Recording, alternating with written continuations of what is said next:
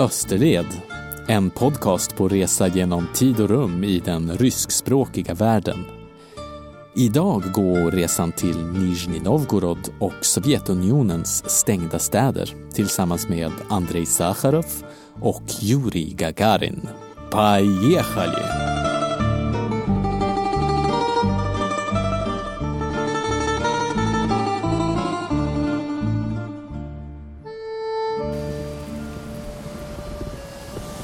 Här är Nizjnij Novgorod. På en bro över floden går jag nu eh, på min långa morgonpromenad till centrum. Från tågstationen. Där hittade jag ett eh, hål i väggen frukostställe som var öppet och jag förhandlade mig till bröd och ägg och te. Eh, Tjornij det är ett svart, ryskt svartbröd. Det är min absoluta favoritfrukost enkelt och gott. Nizjnij är ju byggt där Oka och Volga eh, rinner ihop. Det ser jag här bortom floden på vänster sida. Vid horisonten så eh, rinner floden, det är väldigt högt, det är under bron så är det trädkronorna liksom direkt ovanifrån. Och på andra sidan så ligger Kremlin och Gamla stan eh, som på en kulle. Jag visste inte att Nizjnij var så backigt. Floden som jag gick över på morgonpromenaden till Kremlinsidan av Nizjnij var Oka. Det gamla Kremlin ligger rödbrunt och präktigt på en kulle vid en lång brant ner mot flodstranden. Nizjnij är en medeltida stad som grundades på 1200-talet, men eh, medeltiden känns ganska långt borta, även om centrum är fullt av hus i rysk-imperisk stil som gör Nizjnij mycket fint och mysigt.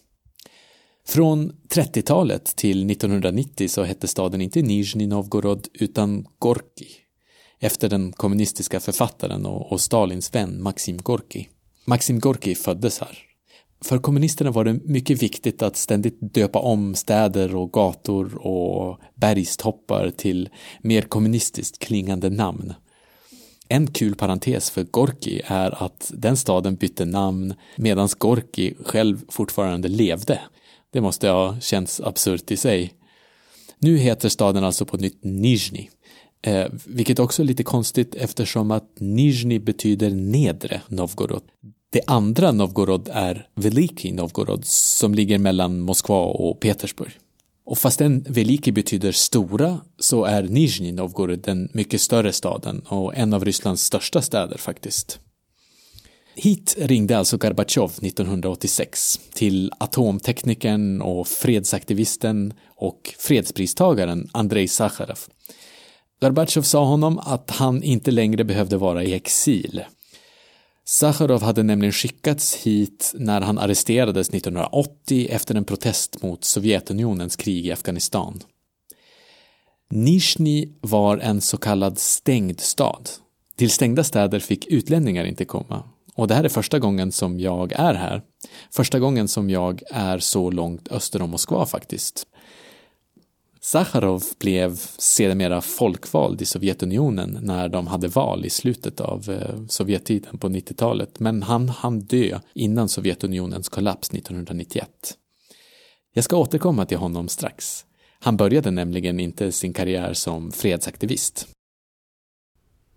Här är jag nu på ett sömnigt vandrarhem som jag trodde skulle vara helt fullt, men som är mestadels tomt. Eh, även på personal, vilket är lustigt. Det finns en incheckningsdiskslurk eh, som dyker upp då och då, men han är som han är som mest trött eller hög eller bakis eller alla dem. Ehm, men eh, vandrarhemmet är bra. Och jag har börjat äta mig in i mitt förråd av rena kläder. Så jag tänkte göra en genomgång av min packning för er som undrar vad det är jag har med mig när jag reser i Ryssland. Jag har alltså en svart ryggsäck som den här. Jag brukar ha den hemma eh, när jag går till stan, sätter mig på kaféer och så. Eh, den... I stora facket finns det tre plastpåsar. En för t-shirts. Eh, här finns det en, två, tre, fyra, fem, eh, sex t-shirtar och två tunna skjortor. Och en andra passpåse finns det, i den här finns det underkläder, sockar, lite fler sockar och underkläder för man behöver fler. Sockar kan man gärna byta varje dag. Fast än man reser så tycker jag att man kan vara fräsch. Backpackers är egentligen smutsigare än de behöver vara och det är otrevligt. Här har jag deo eh, med mig, tandtråd och tandkräm, viktigt. Shampoo och tvål brukar jag stjäla längst vägen. Eh, på det här stället så finns det engångsförpackningar till eh, shampoo, så det är bäst. I den här väskan har jag en extra väska som en dagsväska. Det är en kameraryggsäck. Eh, den går omkring mig på dagarna. Där får det plats ett objektiv, en laddare, en bok. Här har jag en frukt, ehm, en penna att skriva med, en anteckningsbok. Här ligger också mikrofonen som jag använder för att spela in med i vanliga fall. Den här väskan hänger man över axeln och, och då sitter den på ryggen. Den är jättebra. Nytt för den här resan är att jag har med mig ett halvt bibliotek. Innan jag for så tog jag taberas bland mor och fars eh, böcker av ryska klassiker. Och med mig har jag nu ett helt gäng som liknar ett litet bibliotek. De utgör en inte försumbar del av den totala vikten av min packning om jag har kanske sju kilo totalt. Här är dikter i urval av Jevtusjenko, eh, Ahmatova, Mandelstam och här är eh, Kolontaj, Tjechov, eh, Mitt liv som jag inte har läst eh, och Solzhenitsyn eh, som jag ska läsa om och sen Steppen också av Tjechov och eh, den här eh, Jan Myrdals eh, reseberättelse från Turkmenistan. Eh, det ska bli kul, jag läser den senare. Jag ska väl slänga de här eftersom. Ehm, jag har en hoodie som tjocktröja. Det är jätteviktigt. Det är alltid kyliga kvällar och aircondition och annat otyg som gör att det blir kallt. Då blir man förkyld om man inte har en tjocktröja. Andra saker ehm, är som bortrationaliserade. Jag har ju backpackat mycket. Eh, extra skor, onödigt handduk kan man alltid fixa fram på något sätt. Ehm, det brukar lösa sig. På ryska tåg så får man en liten handduk. Eh, och eh, om man bor på ett hotell där man inte får handduk så eh, då kan man torka sig i sin hoodie. För den kan fungera som handduk när man inte har någon. Men oftast brukar man hitta handduk. Det är inte någonting som man behöver packa ner. Ett apotek borde man ha. Nu består mitt apotek av en Alvedon. Eh, det är kanske lite väl minimalistiskt, speciellt när jag ska upp i bergen och fotvandra så måste jag köpa någonting mer, typ eh, skavsårsplåster. Och skavsårsplåster hade jag faktiskt köpt hemma tillsammans med solkräm. Eh, men jag glömde dem. De ligger precis i köket, jag vet exakt, bredvid havregrynsförpackningen i en vit plastpåse, men eh, man kan inte komma ihåg allt. Solkrämen borde jag förresten köpa idag, för jag känner mig halvbränd från igår. Jag tror att det blir uppgiften som jag ger mig på direkt. Jag går ut och köper solkräm helt enkelt.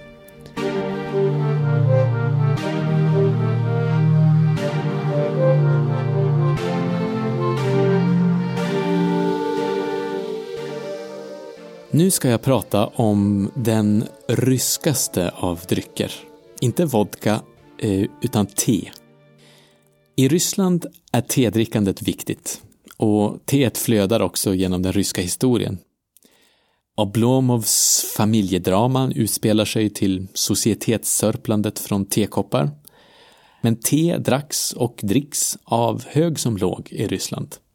I Dr. Chivago så samlas man kring tedrickandet när doktorn återkommer till sin nykollektiviserade paradvåning som nu fyllts med revolutionärt slödder. Även de tedrickandes från hans finaste samovarer som nyss ställts till proletärernas förfogande. Ryssland är ett teland.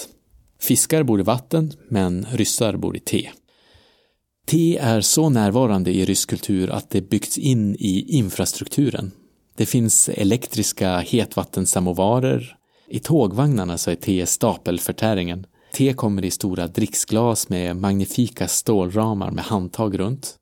På den gamla goda tiden som fortfarande rådde när jag var i Ryssland 2003 så fanns det samovarer i varje ände av tågvagnens tredje klass. Och det gör det fortfarande, men de sista som verkligen eldades med vedkamin har nog tagits i bruk sedan dess. Att man dricker te i Ryssland passar mig personligen utmärkt. Jag dricker te i kannor, inte ogärna flera om dagen. Te i Ryssland har också en intressant historia. Te är inte så gammalt i Ryssland som man skulle kunna tro. Idag vore Ryssland verkligen mindre ryskt utan te.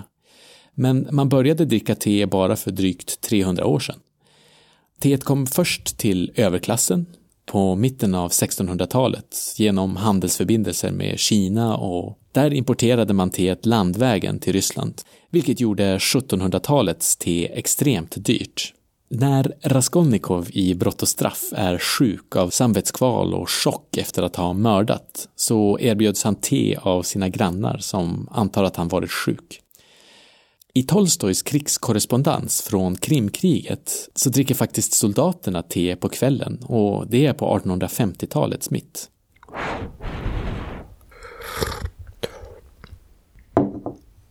Det var först mot eh, mitten av 1800-talet som minskade transportkostnader i teindustrin och stordriftsfördelar i organisationen av teimporten gjorde det möjligt för ryssar av alla samhällsskikt att sörpla i sig te. Under de sista årtiondena av 1800-talet så rullade teet västerut från Kina på den transsibiriska järnvägen och tepriset sjönk ytterligare och tillgången ökade. Mot slutet av 1800-talet så importerade Ryssland kopiösa mängder te.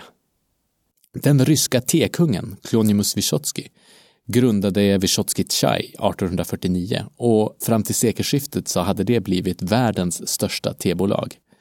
Det bolaget finns faktiskt kvar än idag eh, som ett resultat av en superintressant företagshistoria som jag hade tänkt berätta här i största korthet. För när det blev revolution i Ryssland så förstatligades nämligen de största delarna av det här jättebolaget. Och de nyöppnade filialerna i Gdansk och i London tog över som huvudkontor istället för de förstatligade delarna i Ryssland.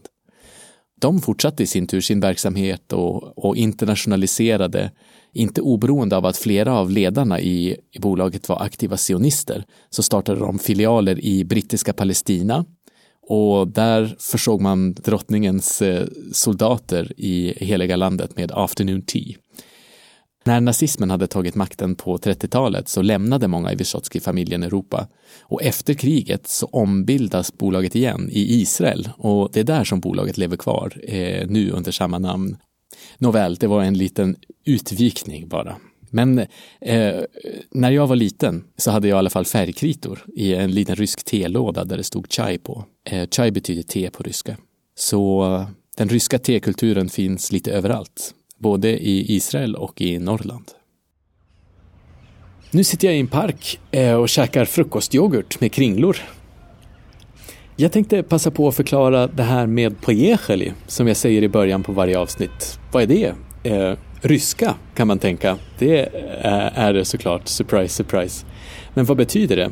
Jo, eh, pojecheli betyder ungefär nu kör vi eller nu åker vi. Eh, och det används i vardagligt tal ungefär som on y va på franska eller geht's los på tyska. Eh, framförallt så är det ett av Yuri Gagarins citat. Tydligen så sa Yuri Gagarin när man tände motorerna för att skjuta upp honom i kosmos just Bajechali. Gagarin var ju eh, den första mannen i rymden och han var ryss, en, en rysk folkhjälte, en verklig superkändis och sexsymbol. Men egentligen skulle han ha sagt någonting annat när de sköt upp honom. Han blev visst lite överväldigad just när raketen startade och allt han fick ur sig var tydligen Bajechali, i alla fall. I alla fall enligt legenden. Det finns mycket skrönor och legender om Yuri Gagarin. Till exempel kanske han ska ha svurit just innan han fick ur sig sitt historiska Bajechali där vid uppskjutningsrampen. Jag hoppas att det är sant. Att han liksom skulle ha sagt någonting högtravande i stil med Small step for man, giant leap for mankind men att eh, stunden överväldigade honom och att allt han fick ur sig var ett Satan, nu åker vi! Omgärdad av alla myter så är Gagarin själv nästan en mytologisk figur i den ryskspråkiga världen. I en vingård i Moldavien där jag själv blev rätt på lyset så var legenden att Gagarin hade varit på besök men att han gått vilse i grottorna där man lagrade champagne och till sist kommit ut först flera dagar senare fullkomligt dragen. Lustigt nog så har jag hört exakt samma legend på en georgisk vingård. Gagarin måste ha rest runt Sovjetunionen och besökt vingårdar och irrat bort sig i dem. Den häftigaste legenden tycker jag ändå är när sexiga Gagarin landar på den ryska landsbygden efter jungfrufärden i kosmos. Och han tar av sin hjälm och sätter den under armen, tänder en cigg och ser cool ut och går bort mot en by där en rådnande arbeterska med sin hänförde son möter honom på åkern. Och hon frågar honom, kanske med lite darrande röst, Kommer ni från yttre rymden? Och Gagarin bara, Ja, det stämmer. Jag hoppas att den myten är sann också.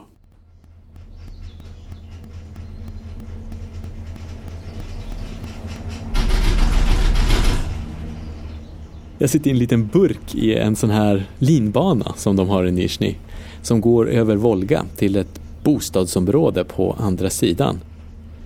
Lokalborna använder det tydligen för att pendla men jag eh, hoppas bara få se en rejäl utsikt och den är ganska häftig än så länge. Det kommer bli ännu häftigare när vi kommer ut över floden. Det är riktigt mäktigt. Jag fick en egen sån här burk så jag, jag kan eh, podcasta obehindrat. Jag är själv i burken. Man ser, man ser staden där borta vid flodkröken eh, och bron där jag gick i, i, igår morse. Nej, fast jag önskar att de hade lite mindre repigt eh, plexiglas och aircondition vore nice. Det är ganska kvalmigt och högt. Och, eh, bäst att jag sitter still förresten. Det är ju för den som trodde det inte lika lätt att ta sig till Ryssland som det är att åka till Norge. För att komma hit så behöver man visum eh, och ett visum det är som ett Visum är som ett inresetillstånd eh, som man ansöker på på ambassaden och som ger en rätt att resa i Ryssland under en begränsad tid. Eh, det är mycket bättre nu i alla fall med visum än det var på Sovjettiden. I Sovjetunionen så hade inte ens de egna medborgarna rätt att resa vart de ville. Uh, och de fasonerna är visserligen kvar i några andra postsovjetiska länder som typ Uzbekistan där man visar passet lite överallt när man ska in i en ny stad till exempel. Mm. Och grejen är ju att eh, Gorki, den här staden, Nizjnij Novgorod, var en stängd stad förut och att utlänningar inte fick komma hit till Nizjnij. Men nu är ju allting normalt, men i uh, den här regionen så ligger det faktiskt en stad som fortfarande är stängd eh, och den är inte långt härifrån. Och eh, jag får inte åka dit, men jag ska åka nästan dit för bussen som jag ska ta som går till ett kloster som jag vill besöka eh, den har den här stängda staden som slutstation. Och just nu så håller jag på, nu vet jag inte riktigt var jag är, jag står alltså mitt på en parkering i en förort och letar efter den här bussen som ska som ska åka till klostret. Eh, den går inte riktigt från någon busstation utan eh, den går från en parkering till ett köpcenter. Ehm, I alla fall hoppas jag det för att jag hittade information om det på någon webbsida som hade så här fruktansvärd 90-tals layout som inte är speciellt förtroendeingivande. Men eh, jag är i alla fall här i god tid. mitt framför ett stort sexvånings köpcenter men eh, bussen kanske är på andra sidan. Jag tror att det måste vara på andra sidan. Det skulle gå från parkeringsplatsen till det här köpcentret. Men eh, jag är här i god tid i alla fall, så det är ingen fara. Jag ska kanske försöka hitta någon att fråga så att jag kommer mig iväg. Om det nu finns någon buss. Nåväl. I Sovjetunionen så fanns det ett stort antal stängda städer. Kaliningrad och Paldiski, som ligger bara på andra sidan havet från Stockholm, var stängda. Och dit fick då inte utlänningar komma. En eh, före detta kollega till mig forskade om stängda städer i Sovjetunionen och han reste till Kazakstan och kollade kartor och begärde ut uppgifter just om de här stängda städerna när de hade öppnats och Kazakstan hade blivit självständigt efter Sovjetunionens fall. Men eh, de sovjetiska attityderna till snokande utlänningar levde kvar. Så de kazakiska myndigheterna bestämde sig strax för att den här mannen ju förmodligen var spion och sen satte de honom i fängelse. Eh, kazakiskt fängelse på 90-talet alltså. Och på olika villovägar så kom han sig ut därifrån. Men eh, jag har ändå en väldig respekt för det här med eh, sovjetiska reserestriktioner. När jag till slut hittade den där minibussen på en sidogata till det här köpcentret i Nizjnij-förorten så ville chauffören först inte ta med mig utan han sa att jag var tvungen att ringa och boka in mig och skriva upp mitt pass på en lista i förväg. Men jag förklarade att jag pratade så dålig ryska att jag inte kunde hantera ett telefonsamtal för att ringa och sen gjorde jag lite extra klumpiga grammatikfel för att eh, göra det inte bara sant utan också övertygande. Framförallt så sa jag att jag inte ville till själva Sarov som är den här stängda staden, utan att jag bara ville till Divejevo som är klostret som ligger eh, som stationen före. Det är någonting med en postsovjetisk nyreligiös godhjärtighet i Ryssland. Den framkallar en instinktiv sympati hos de som förstår att en främling inte alls vill resa till en stängd stad för atomforskning utan till ett urgammalt klostersamhälle. Så den här äh, busschauffören smälte och ringde till sist för mig och sen så fick jag ta plats och åka med.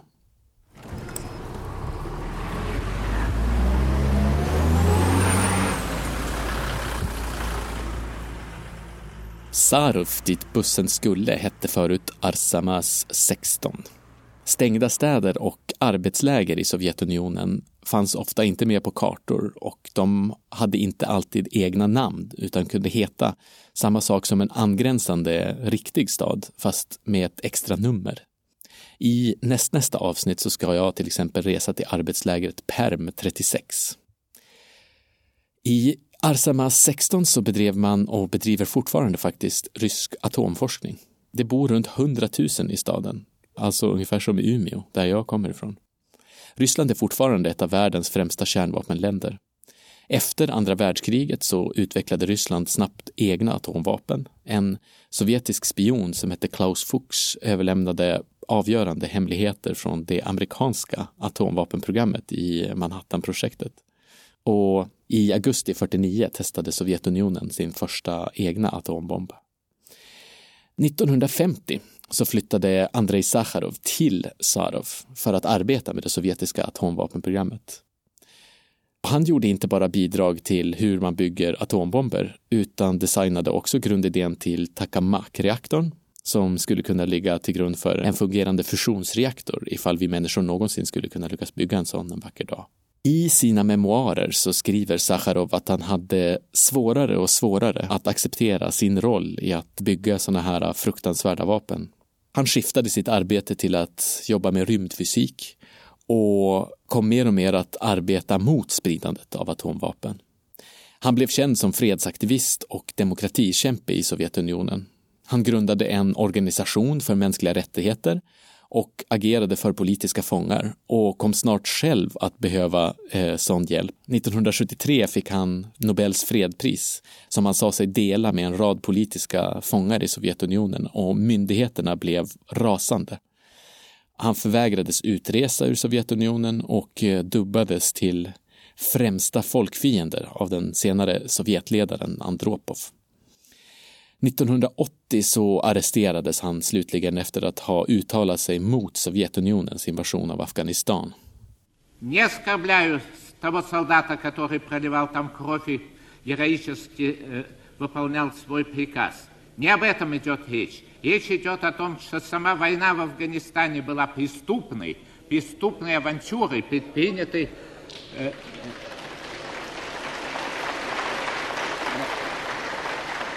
Här är det ord och inga visor. Eh, Sacharov säger prestupnoj aventura, en, en kriminell eskapad om kriget i Afghanistan. Och han får omstörtande medhåll i församlingen här där Gorbatjov själv som sitter i bakgrunden bara kan sitta och skruva på sig. I flera vändor under 80-talet så hungerstrejkade Sacharov för att hans fru skulle kunna få rätt att resa utomlands för att få sjukvård i USA. Sacharov satt i husarrest i sex år i Nizjnij Novgorod och blev genom sin ihärdighet en symbol både för Sovjetunionens politiska förtryck och motståndet mot det. Det är därför som det var en så stor händelse när Gorbatjov ringde honom och sa att Sovjetunionen nu under hans ledning skulle slå in på glasnost och att öppenheten tillät att Sacharov kunde komma tillbaka till Moskva. När det till slut hölls val i Sovjetunionen så blev Sacharov folkvald. Men han hann dö innan Sovjetunionen föll samman. Men det där samtalet till hans husarrest är ändå en milstolpe för utvecklingen av öppenhet i Sovjetunionen som kom att bidra till demokrati och att Sovjetunionen föll.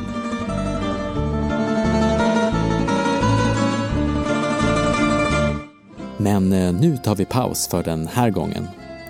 I själva Deveiva och på den ryska landsbygden så tillbringar vi nästa avsnitt. Tills dess så finns det bilder från resan på österled.nu, alltså med O, Osterled, men eh, tack igen. Спасибо вам большое för, eh, för att ni lyssnat. Спасибо за внимание och пока. Vi hörs.